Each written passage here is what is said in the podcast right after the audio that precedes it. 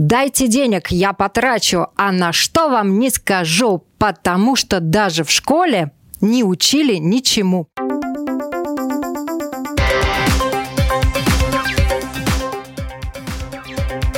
Поколение Z. Здравствуйте, с вами Марина Талапина, режиссер программы Даниэль Йофф. И, как всегда, спасибо вам огромное, что лайкаете нас, подписываетесь, предлагаете свои темы. И, конечно, я напомню, нас можно слушать практически на всех платформах, включая Spotify, Google и Apple подкасты, и смотреть нас можно на YouTube. Благодарим вам, что вы это делаете. И сегодня э, у нас такая тема, что меня вдохновила даже на четверостишье, которое я позволю себе зачитать. «Дайте денег, я потрачу, а на что вам не скажу, потому что даже в школе не учили ничему». Вот, богатый человек – Заинтриговала я, наверное. Богатый человек не тот, у кого много денег, а тот, кто умеет их считать. Деньги в нашей жизни играют большую роль. Все это знают. Эта фраза, наверное, настолько тривиальная и избитая, что извините, пожалуйста, что я произнесла, но тем не менее на уроках математики, например, учат считать, э, отнимать э, и умножать, и делить, и правильно делать, что этому учат. А вот занятий, уроков по финансовой грамотности нет. Поэтому тема нашей сегодняшней программы называется «Финансовый ликбез». Поколение Z. И я рада представить с нами на связи управляющий некоммерческим фондом Young Folks Invest в прошлом портфельный менеджер Артемий Ковец. Привет. Добрый день. Также у нас на связи активный участник Young Folks э, с 15 лет увлекается инвестиционной деятельностью и многое знает о деньгах. И также уже, наверное, что-то понял о том, как их тратить. Может быть, нам тоже какие-то вещи полезные расскажет, как он это делает. Иван Назаров. Всем привет. И украшение нашей сегодняшней программы вместе со мной, женская половина, а, представлена а, Варвара София Осипова, представляет нашу женскую половину сегодняшней программы. Привет, Варвара. Здравствуйте. И Анна Иванова. Аня, привет. Здравствуйте. Поговорим о деньгах. Вот когда это слово произносит деньги, как какую ассоциацию, а может быть ассоциации у вас оно вызывает, это слово? Ань, давай начнем с тебя. Мое представление о чем-то серьезном, потому что деньги надо уметь тратить, и не каждый получает деньги. Варя. С богатством, покупочками. Сейчас узнаем мужской взгляд, мужские ассоциации на слово деньги. Артемий. Деньги для меня это инструмент измерения материальных благ и возможностей. То есть там за 100 долларов можно купить поесть, за 1000 можно купить простенький автомобиль, за 10 там много хорошей электроники, а за 100 тысяч можно купить несколько человек в свое распоряжение на какое-то время. Точнее, купить их как бы услуги. Вань. Для меня это возможности и свобода действий говорят, что нельзя купить счастье, но можно купить свободу за это и делать практически что хочешь. Разве это не счастье в нашей жизни? Но как часто вы говорите о деньгах дома и как часто о финансах э, говорят с вами в школе, Анечка? Ну, в школе или дома. Ну, в школе по большей части никто не говорит о деньгах. Ну, только если нужно купить что-то в, в столовой покушать. Или ну, там а собираем, да? Обсуждаю, а дома мы обсуждаем это, что, что мы купим в магазине или на что будем тратить следующую зарплату. Мамину или твою? Папину.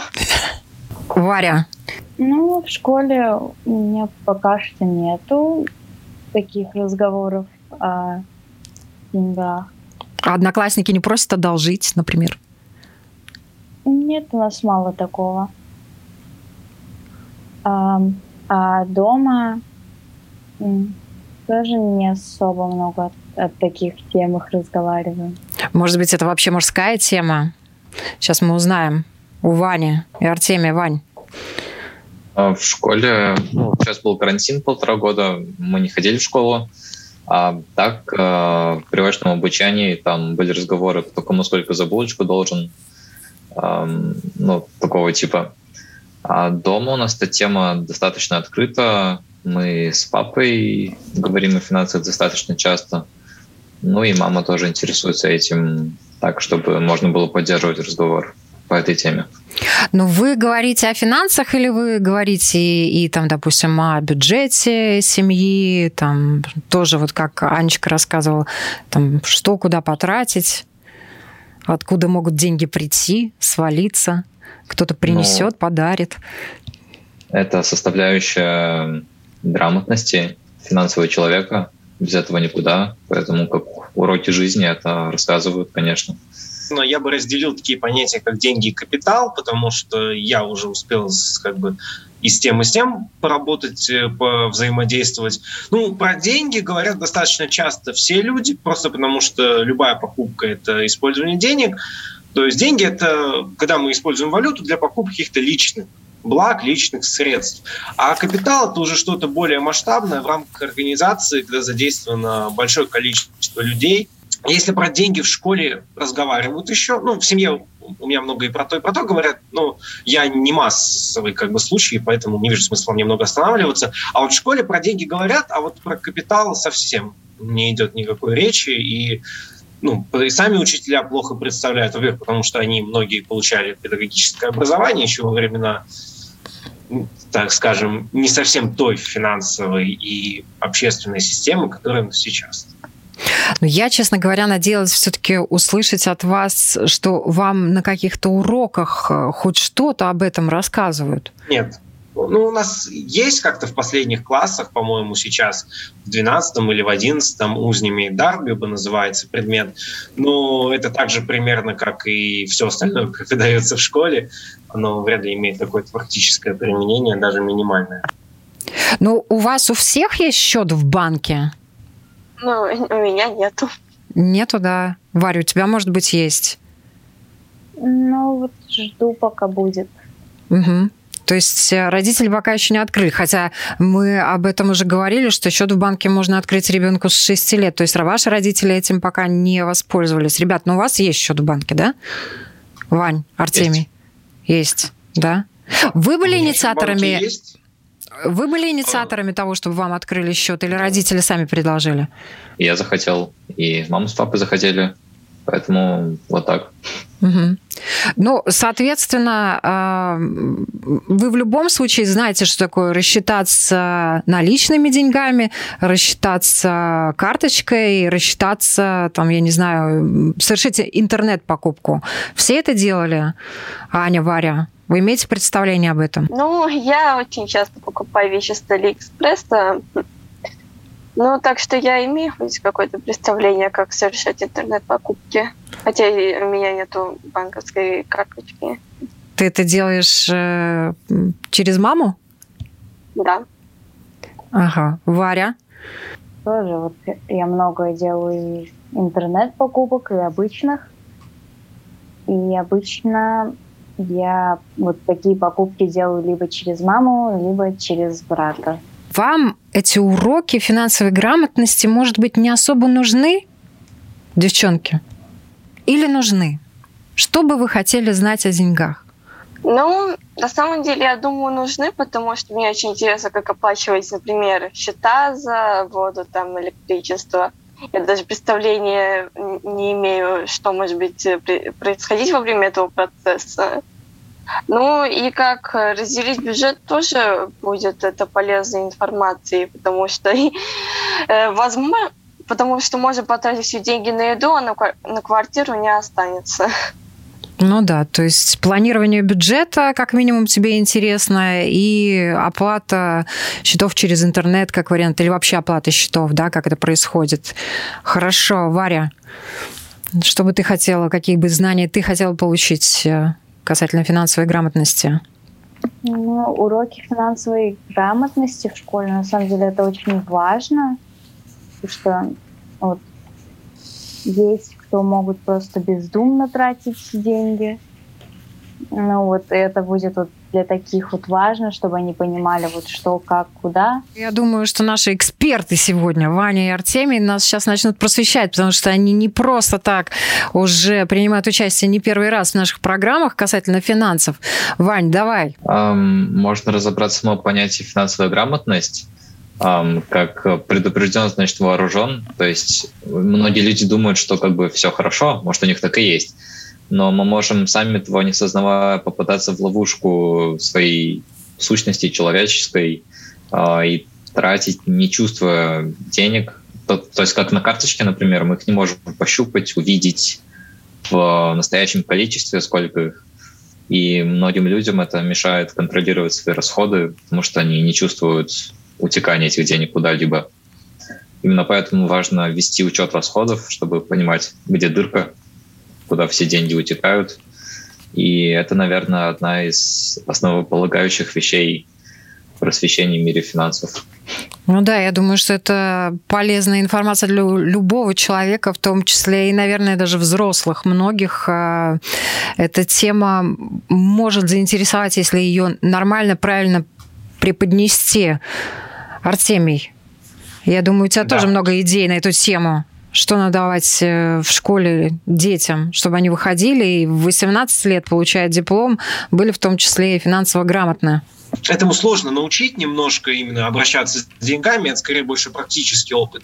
Но я вот со школьниками обязательно говорил бы про кредитование, а, про, к примеру, а, студенческие долги в особенности, про кредиты на недвижимость. Даже если 100% будут соприкасаться, и про это все надо говорить, и надо давать базовую информацию, так как это позволит избежать ну, каких-то примитивных ошибок, которые люди допускают и будут допускать, пока образование по этим вопросам не будет стандартизировано и будет э, введено в систему полноценно.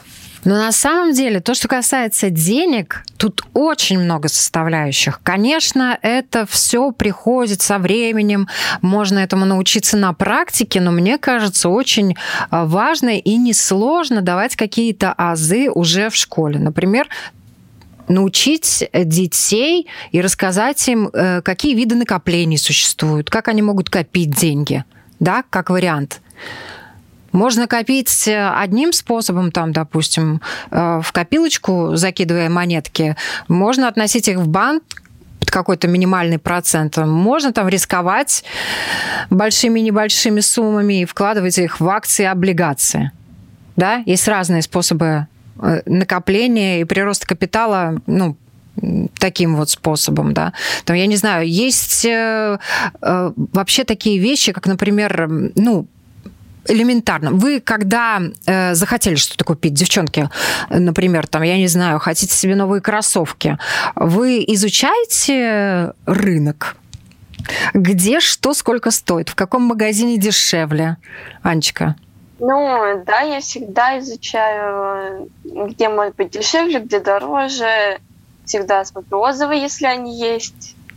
Ну, это же на самом деле тоже про деньги правильно, про то, на что мы тратим деньги, это же тоже важно, да, и есть вещи, которые приходят со временем, есть вещи, с которыми человек родился, да, у некоторых там даже уже маленький ребенок, он там начинает копить, да, каждую копеечку откладывает, вот у него такой склад характера, бесспорно, да, но есть вещи, которым можно научить, другого ребенка, у которого, может быть, в характере этого нет, ему, его можно научить, ему можно рассказать, зачем вообще это делать.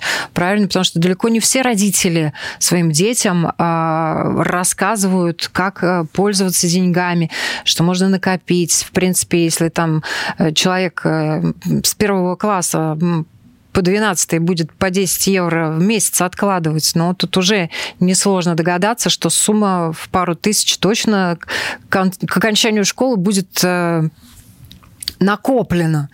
Да, вот, ну, есть огромное количество вещей, которые связаны именно с деньгами, но о них вообще не говорят.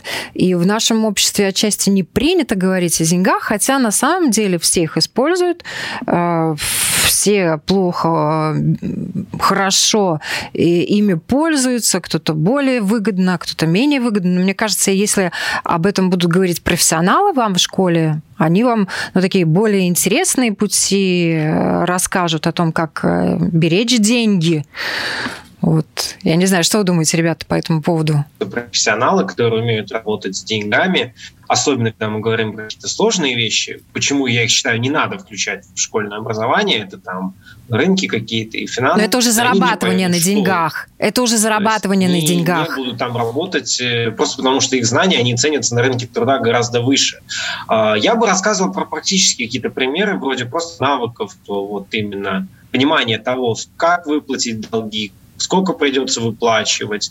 Поговорил бы про сервисы, опять же, для покупки тех же самых в интернете вещей, которые как-то облегчают это. Я бы говорил э, и давал информацию о, опять же, налогообложении, как может быть где-то меньше, как правильно оформить, какие возможности есть. Ну, то есть такое можно давать в школе. Все, все что сложнее, дадут в таком извращенном виде, что лучше бы не давали. А оно, наверное, и не надо. Понимаешь, как зарабатывать э, деньги деньгами. Наверное, это действительно такая специфическая информация. Кто захочет, тот пойдет в высшее учебное заведение, будет этому учиться уже более серьезно. А то, что ты сказал как раз, и я в том числе, имела в виду более прикладные знания о финансах, которые мы используем, даже если не каждый день, но достаточно регулярно. Там, раз в месяц, несколько раз в месяц, те же онлайн-покупки, как их совершать, э, какие приложения можно использовать, какие нельзя, э, почему, да, как... Э, вот я не знаю, девчонки, что бы вы хотели знать еще о деньгах для того, чтобы, ну, я не знаю, вы хотели бы вообще копить деньги? Вот я тоже про накопительство это говорила, а может быть, оно вам и не надо. Может быть, вам нужен, там, я не знаю, в будущем муж, который будет давать деньги, и все, главное, чтобы хватало на покупки, на, ваши, на реализацию ваших желаний. Может быть, у вас такие задачи перед вами стоят? Ань. Я ну, я коплю деньги, я просто откладываю, если я что-то захочу, то я это куплю. За свои деньги, которые я это коплю. Мне не нужен никакой муж, я сама справлюсь. Ну, а ты планируешь в будущем работать, зарабатывать и тоже откладывать, правильно, на свои желания? Да. А в какую сферу ты пойдешь? Ну, на самом деле, я еще не знаю. Ну, не, ну Очень все. много разных сфер и профессий. Ну, что глаза разбегаются. Хорошо, Варя, у тебя какая позиция по отношению к накоплению и источникам ну, дохода? Ну, я и трачу, и откладываю то, что мне дают. Большую часть я трачу, но отложенное тоже есть, которое, если понадобится, то могу тоже потратить. Получать деньги, то, наверное, я собираюсь сама работать. Быть независимой финансово, да? Да, быть финансово независимой ни от кого. Тем не менее, как Ваня сказал, да, ну, была бы полезная информация для людей, чтобы они чувствовали вообще и понимали, куда они, на что тратят, ввести вот э, э, этот бюджет, э, расход, доход, э, чтобы расходы не превышали доходы желательно. Да? Вообще, э, вот если гипотетически представим такую ситуацию, вам сейчас предоставили возможность жить самостоятельно э, на отдельной жилплощади, да, вот сколько кому денег понадобится для того, чтобы месяц существовать? Ну, существовать условно, жить хорошо питаться, тратить на свои нужды, на покупки, на подарки, ну, в рамках разумного, да. Фантазия включается, и кто готов назвать сумму? Ну, тут все очень индивидуально. Конечно. Я думаю, что ну, если давайте не рассматривать фантастический вариант, то чисто практически, если, допустим, я также буду ходить в школу, вот у меня были друзья, которым ради опыта просто их отселяли, ну, не знаю, ради опыта или из любви к ним, э, их э, просто отселяли в отдельную квартиру, оплачивали ее, но при этом они ходили, учались в школе, то есть они нигде не работали. Ну, такие вот прецеденты, вот похожие на вашу гипотетическую ситуацию случаи. Ну, наверное, если вычесть оплату квартиры, да, то есть только еда, одежда и какие-то развлечения, ну, евро 600-500 в месяц. 600-500 вписаться можно, да? С оплатой квартиры? Если... Нет, без оплаты квартиры. То есть квартира уже оплачена, и 600-500 это на еду, интернет, э, там какие-то бытовые расходы. То есть вот так вот. Опять же школьнику, да, то есть он никого не содержит, то есть вот просто чисто на себя, на вот, э, одежда, я, питание, И опять я, но... и еще раз я, и много-много-много интернета. Я шучу, ну, да? Не, ну это, наверное, я все-таки думаю, такая... Хорошо, давайте другие суммы. Аня? Да, или Вань, давай. А, я когда-то делал такие расчеты даже, было интересно, но это было очень давно. Сейчас, конечно, мои потребности и цели изменились. Но я тоже думаю, мой потолок где-то 500, если так прикинуть, что может происходить в моей жизни. Ну, то есть я школьник, и без оплаты квартиры это будет 400-500 евро где-то. Ань? Ну, я думаю, я ложу это ну, 450 в месяц. Ну, если без оплаты квартиры тоже, да? Ну, да. Ну да, потому что сумма сразу вырастает как минимум вдвое, наверное. Даже если маленькую захудаленькую квартирку вы снимете, там все равно 400 плюс-минус евро придется потратить, да? Хорошо, Варя там записывала, по-моему, что-то на бумажке считала, я надеюсь, да? Ну, почти. Давай, скажи свою сумму. Ну, я думаю, у меня было мне хватило бы там 600-700 евро без оплаты квартиры там, вот только на развлечения, там, поесть.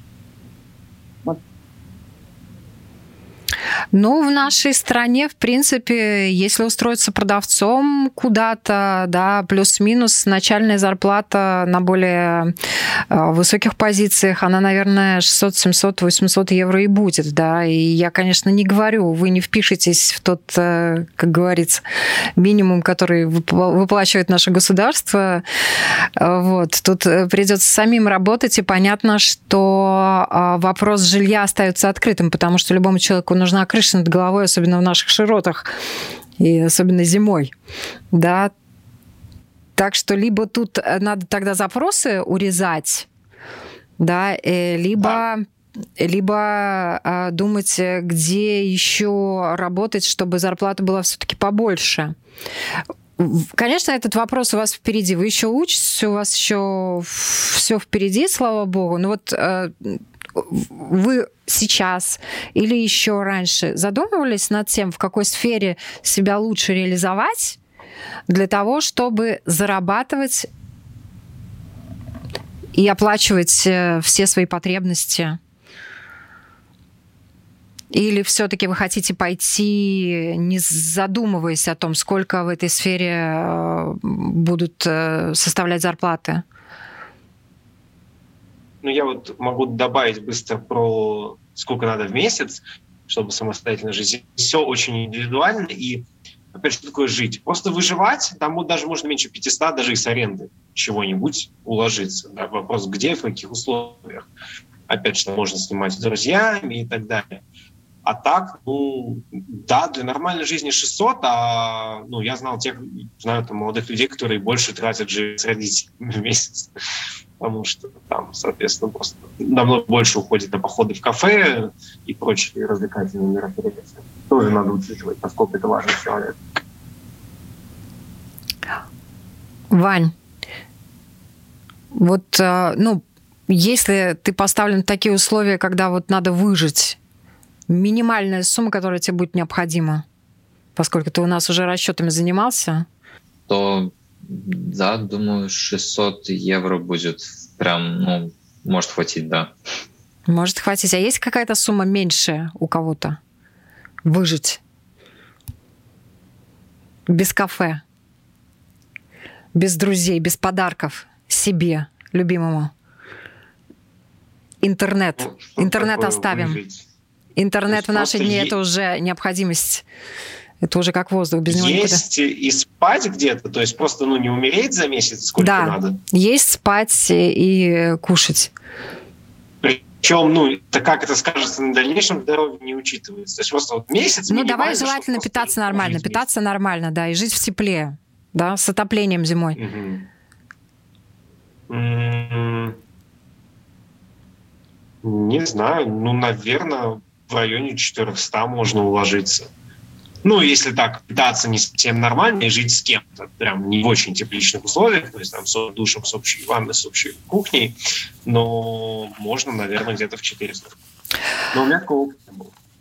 Ну и слава богу, на самом деле, что не было. Но я думаю, что вы мыслите реалистично. И это радует, это говорит о том, что, наверное, вы э, плюс-минус финансово грамотны. И об этом также говорят исследования. Да, э, результаты по уровням финансовой грамотности, в частности, э, вот... э, Проводилось исследование, в котором участвовали около 20 стран, э, 137 тысяч подростков от 15 до 24 лет. И надо сказать, что Латвия там в такой хорошей середине, да, даже в первой половине. Вот. А Литва в этом отношении, несмотря на то, что там вроде, казалось бы, предпринимателей больше, да, деньги умеют, наверное, литовцы лучше зарабатывать, а, тем не менее а, латвийцы обошли Литву, латвийские школьники обошли Литву по финансовой грамотности, и эстонцы обошли латвийских школьников по финансовой грамотности, и а, то, что касается, например, уровней. Э, Первый уровень, естественно, это такие элементарные знания о финансах, и последний, пятый уровень, там уже такие специфические знания, умение пользоваться акциями, облигациями. У нас, например, сегодня э, в компании несколько э, ребят, которые знают, что такое, и инструменты и акции, облигации, портфели, да, и что они себя представляют, и даже пробуют с этим работать. Но вообще, конечно, э, разговор у нас такой. С одной стороны, предмет разговора ясен, деньги, да, а с другой стороны, вот такое впечатление у меня складывается, что э, не все и серьезно, ну, так вот, имеют представление о том, что это за ресурс и как им грамотно пользоваться. Как им пользоваться, у каждого свое представление. Да? Деньги можно тратить. Вопрос, как мы их тратим, зачем мы их тратим. Может быть, не всем эта финансовая грамотность нужна. А, Я могу тут э, добавить цитату одного интересного человека. А, То, что если у тебя не очень хорошо с математикой и не хочешь обучаться финансовой грамотности и всему этому, просто зарабатывай столько денег, чтобы не нужно было их считать, и тогда ничего не нужно будет, в принципе. Но это такая идеальная ситуация. Конечно, я думаю, что все мечтают э, и все представляют, особенно в молодом возрасте, что оп, хоп, э, дядя какой-то будет идти по улице, оставит чемоданы, в нем будет много денег, или э, приедет какая-то тетушка из Америки и тоже, а может быть не приедет, может быть она там э, умрет и оставит какое-то завещание, и на тебя опять огромное количество денег случайным образом свалится, да? Выиграю в лотерее. Есть же такая вот э, вещь у людей, да, психологическая, э, надежда на чудо, да. Э, Тем не менее, есть люди, которые надеются на это чудо, и есть люди-реалисты, которые понимают, что, в принципе, их финансовые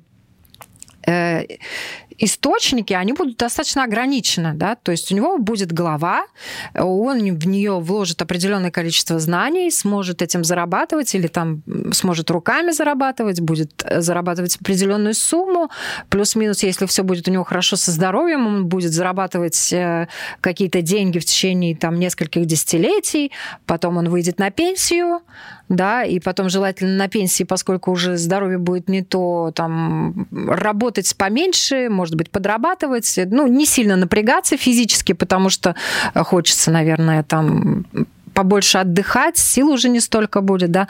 Опять же, все знают, что предпочтение работодателя отдают молодым и бодрым, да. И тут вот э, вопрос о пенсии, например, вообще вас когда-нибудь волновал? Задумывались ли вы о том, на что вы будете жить в старости, когда желательно не работать, когда сил уже нет работать? Когда огромное количество ну, хронических заболеваний. И о универе так серьезно не задумывалась. То, что пенсия, это когда через 40 лет, это, ну, это что-то вот... Для нас это так далеко, как на Советский Союз. Ну, по времени, кстати, оно будет действительно даже чуть... Да, моя пенсия, она дальше, чем Советский Союз. По временным рамкам э, мне кажется, вопросы вот о том, как тратить деньги именно в плане вот э, там, таких долгих э, каких-то горизонтов до пенсии, их бесполезно планировать как-то подробно и обсуждать. Э, слишком много переменных, которые все эти расчеты сведут к нулю. То есть, ну, слишком много может всего поменяться за 40 лет. Хорошо, но тем не менее, какую-то подушку безопасности вы себе хотите накопить к старости? Или будете жить сегодняшним днем и тратить столько, сколько зарабатываете?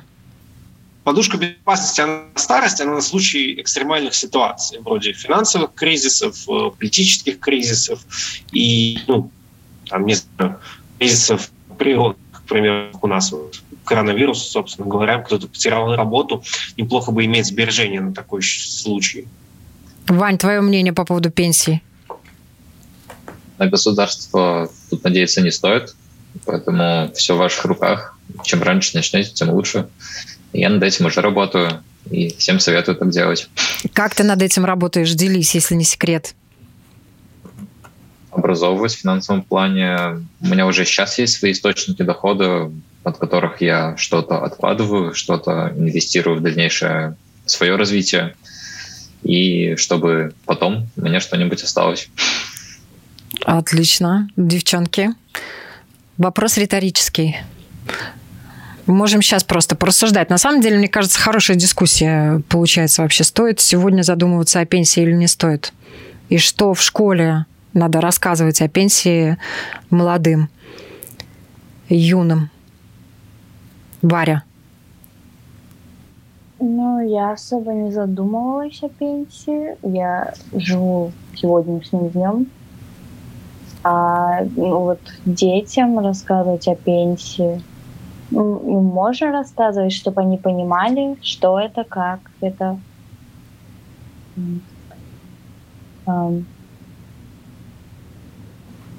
Чтобы были как-то более или менее подготовлены вот ко всем потом сложностям жизни. Ань, может быть, у тебя есть какие-то идеи по поводу того, что надо знать в школе о пенсиях? Или не надо знать ничего, тоже вариант? Ну, у меня даже нет идей, но единственное, что меня только интересует, это то, как ее получают. То есть ее на телефон э, это скидывают, или, или приходится в банк идти там, или какую-то бумагу дают, типа вот твоя, твоя месячная, твои месячные деньги. Или что. Хороший вопрос. Я сначала подумала, что тебя интересует вообще система наша пенсионная, каким образом э, людям платят э, пенсию, из каких расчетов э, ну, налогоплательщики, как э, все дружно э, куда отчисляют деньги, чтобы наши пенсионеры все-таки получали их.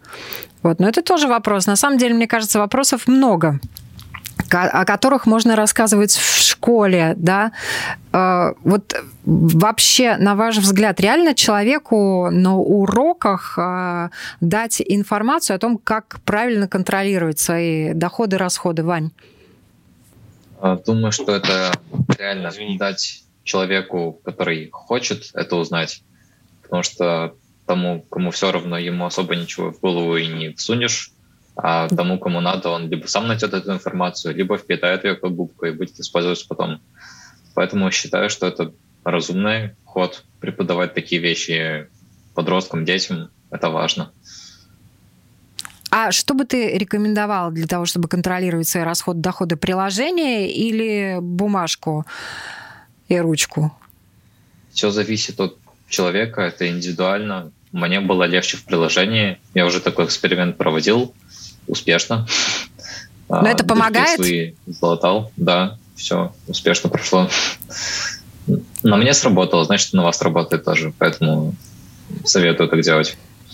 Ты дырки нашел, да, в бюджете, куда не обязательно да. тратить деньги? Артель. Нашел. Артель. Сейчас вообще с этим намного удобнее, потому что, ну, во-первых, любой банк, приложения использовать разного рода, которые встроены в системы различных организаций, они тоже предлагают, почти все крупные банки, они дают возможность э, в приложении, уже в своем приложении отслеживать расходы, и удобно, и это, по-моему, использовать обязательно накопления, сбережений я очень советую всем людям инвестировать в себя. Инвестируйте в свои навыки, инвестируйте в свои знакомства, э, потому да, при любом вкладе вы всегда остаетесь в выигрыше. Потому что, да, у вас могут сгореть сбережения, у вас могут... Э, э, вы можете потерять должность, но навыки у вас останутся всегда. Ну и также люди, которых вы знаете, вы будете знать их всегда. И, соответственно, даже во время каких-то глобальных изменений в обществе вы сохраните свои навыки, свои связи, которые могут дать вам преимущество. Потому что, опять же, вот последнее глобальное изменение в обществе, это у нас тот же самый распад, я люблю приводить э, Советского Союза в пример. Э, все равно те, кто были на местах, так или иначе, там же и остались. В других чинах, но по большому счету сохранили. Хотя ну, был кризис, которого не было, наверное, на территории Латвии за последние там, лет сто. Поэтому инвестируйте в себя. Вот главный совет, главный тезис. Даю слово другим. Буду говорить только я. И рекламу тоже не буду вставлять. Девчонки, а вот вы насчет своих расходов, доходов задумывались вообще? Там есть какие-то у вас э, соображения по поводу того, как э, оптимизировать финансы. Найти дырочку, не покупать себе лишнюю булочку и отложить на какой-нибудь подарочек даже себе или на будущую поездку. Или об этом девочки в школе не думают. Ань. Ну вот, например, в магазине я вот э, хочу, например, взять э, каких-то желейных червячков, но хочется и э, это и еще что-то. Ну, нужно выбрать только одно, но я выбираю одно, потому что... То есть ты не транжира, да? Ты не транжира, Да, я я выбираю что-то одно, потому что эти деньги можно потратить на следующий день, на другой раз оставить. Ну, то есть у тебя уже, можно сказать, идет оптимизация расходов. Да, ты уже думаешь, прежде чем купить. Или купить и потратить да, все сегодня. У меня страх то, что у меня денег не хватит. Ну, соответственно, ты понимаешь, что надо их посчитать, чтобы их хватило на одну покупку, правильно? Варь, вот как у тебя да. происходит оптимизация расходов? Ну, я признаюсь, что я немного транжира, что если я чего-то хочу, там, допустим, чипсов и желеек, я и возьму этих чипсов и желеек, не буду выбирать что-то одно, а, потому что живу сегодняшним днем, один день. Ну, а ну, могла бы не покупать да. чипсы и желейки, могла бы отложить их себе на будущую квартиру. Вот. Если бы у тебя в школе преподавали, как вообще жить вы будете потом, после того, как школу закончите. Вообще, ребят, вы читали какую-то литературу, э, смотрите какие-то блоги? Я, наверное, к мальчишкам обращаюсь по поводу финансовой грамотности. Литературу, конечно. Самая основа основ, например, Роберт Киосаки. А, Бедный папа, богатый папа? Да, учит жизни. Артемий? Я не читаю подобную литературу. Мне, к счастью, повезло. И я очень много почерпнул просто это общение с людьми, ну, родителей, которые все мы разобрались и организовали это достаточно толково, что видно по результату. Да, или с там, бизнесменами, у них, естественно, и свои организационные финансы, все сделано очень четко и ну, просто копируешь, что как они себя ведут, то, как они действуют. И, соответственно, поскольку находишься в схожих с ними обстоятельствах, то это работает на, на меня. То есть, я не знаю, на других, может быть, не сработает.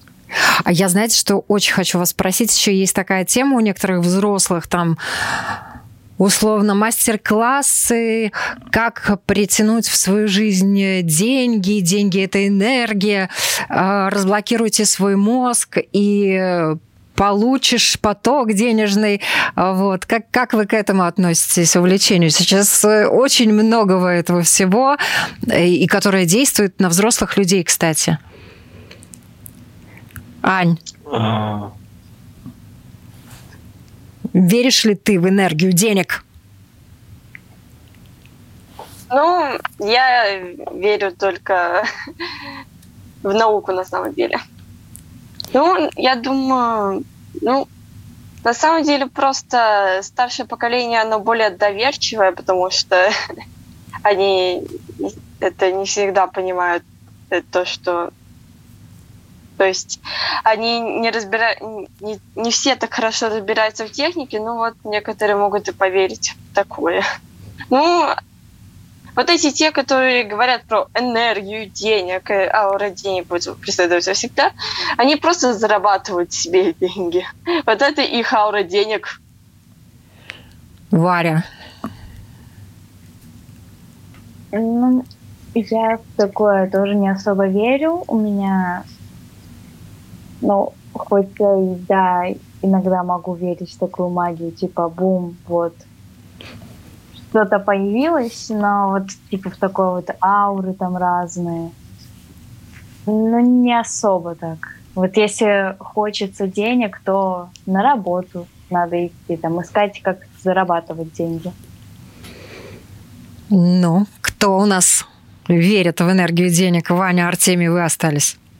А, я считаю, что эти люди вообще молодцы, потому что они нашли способ, как реально грести много денег, и можно у них учиться. Как бы это законно, у каждого свои способы, поэтому они молодцы, их можно только похвалить за такое. Но я в такое, конечно же, не очень верю. У каждого свои способы заработка просто. Ну, наверное, трудно не согласиться. Я думаю, что Артемий тоже с нами со всеми согласится, Я хотя, может быть, у него... Мастер-классы и про вообще любой вот это курсы по быстрому зарабатыванию денег, они могут быть как в виде энергии, курсы по быстрому освоению инвестиционных навыков, там, кто что гораздо, главное, что хватает фантазии. А, я очень много общался с богатыми людьми. По большому счету способов разбогатеть ровно два. Первый – это везение, а второй – это работа. Ну, действительно, может э, повести, начиная там от рождения в хороших э, семье, заканчивая выигрышем в лотерею, там, ну, там, получение должности какой-то за счет э, одного хорошего друга, условно. То есть, ну, много как бы ситуаций, когда можно, может повести, и деньги придут. И второй вариант – это просто работать, учиться головой, работать. Да, то есть это тоже вот это два единственных способа получения денег. Ну и Больше второй нет. вариант, наверное, распространяется на большее количество людей, да, будем реалистами, да, и поэтому, да. наверное, все-таки уроки финансовой грамотности в школе будут не лишними. Согласны ли вы со мной?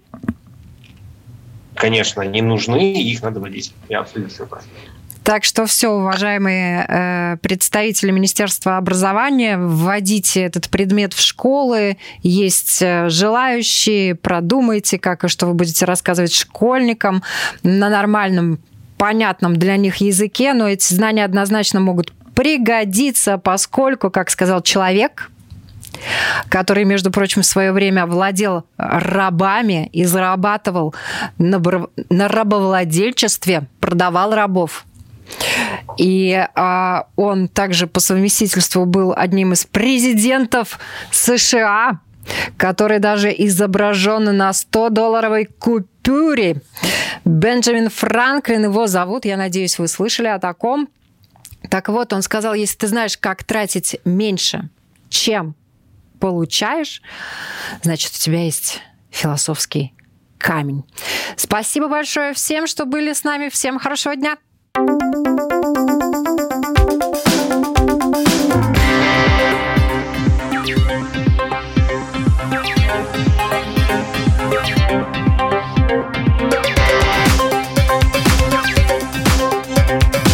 Поколение Z.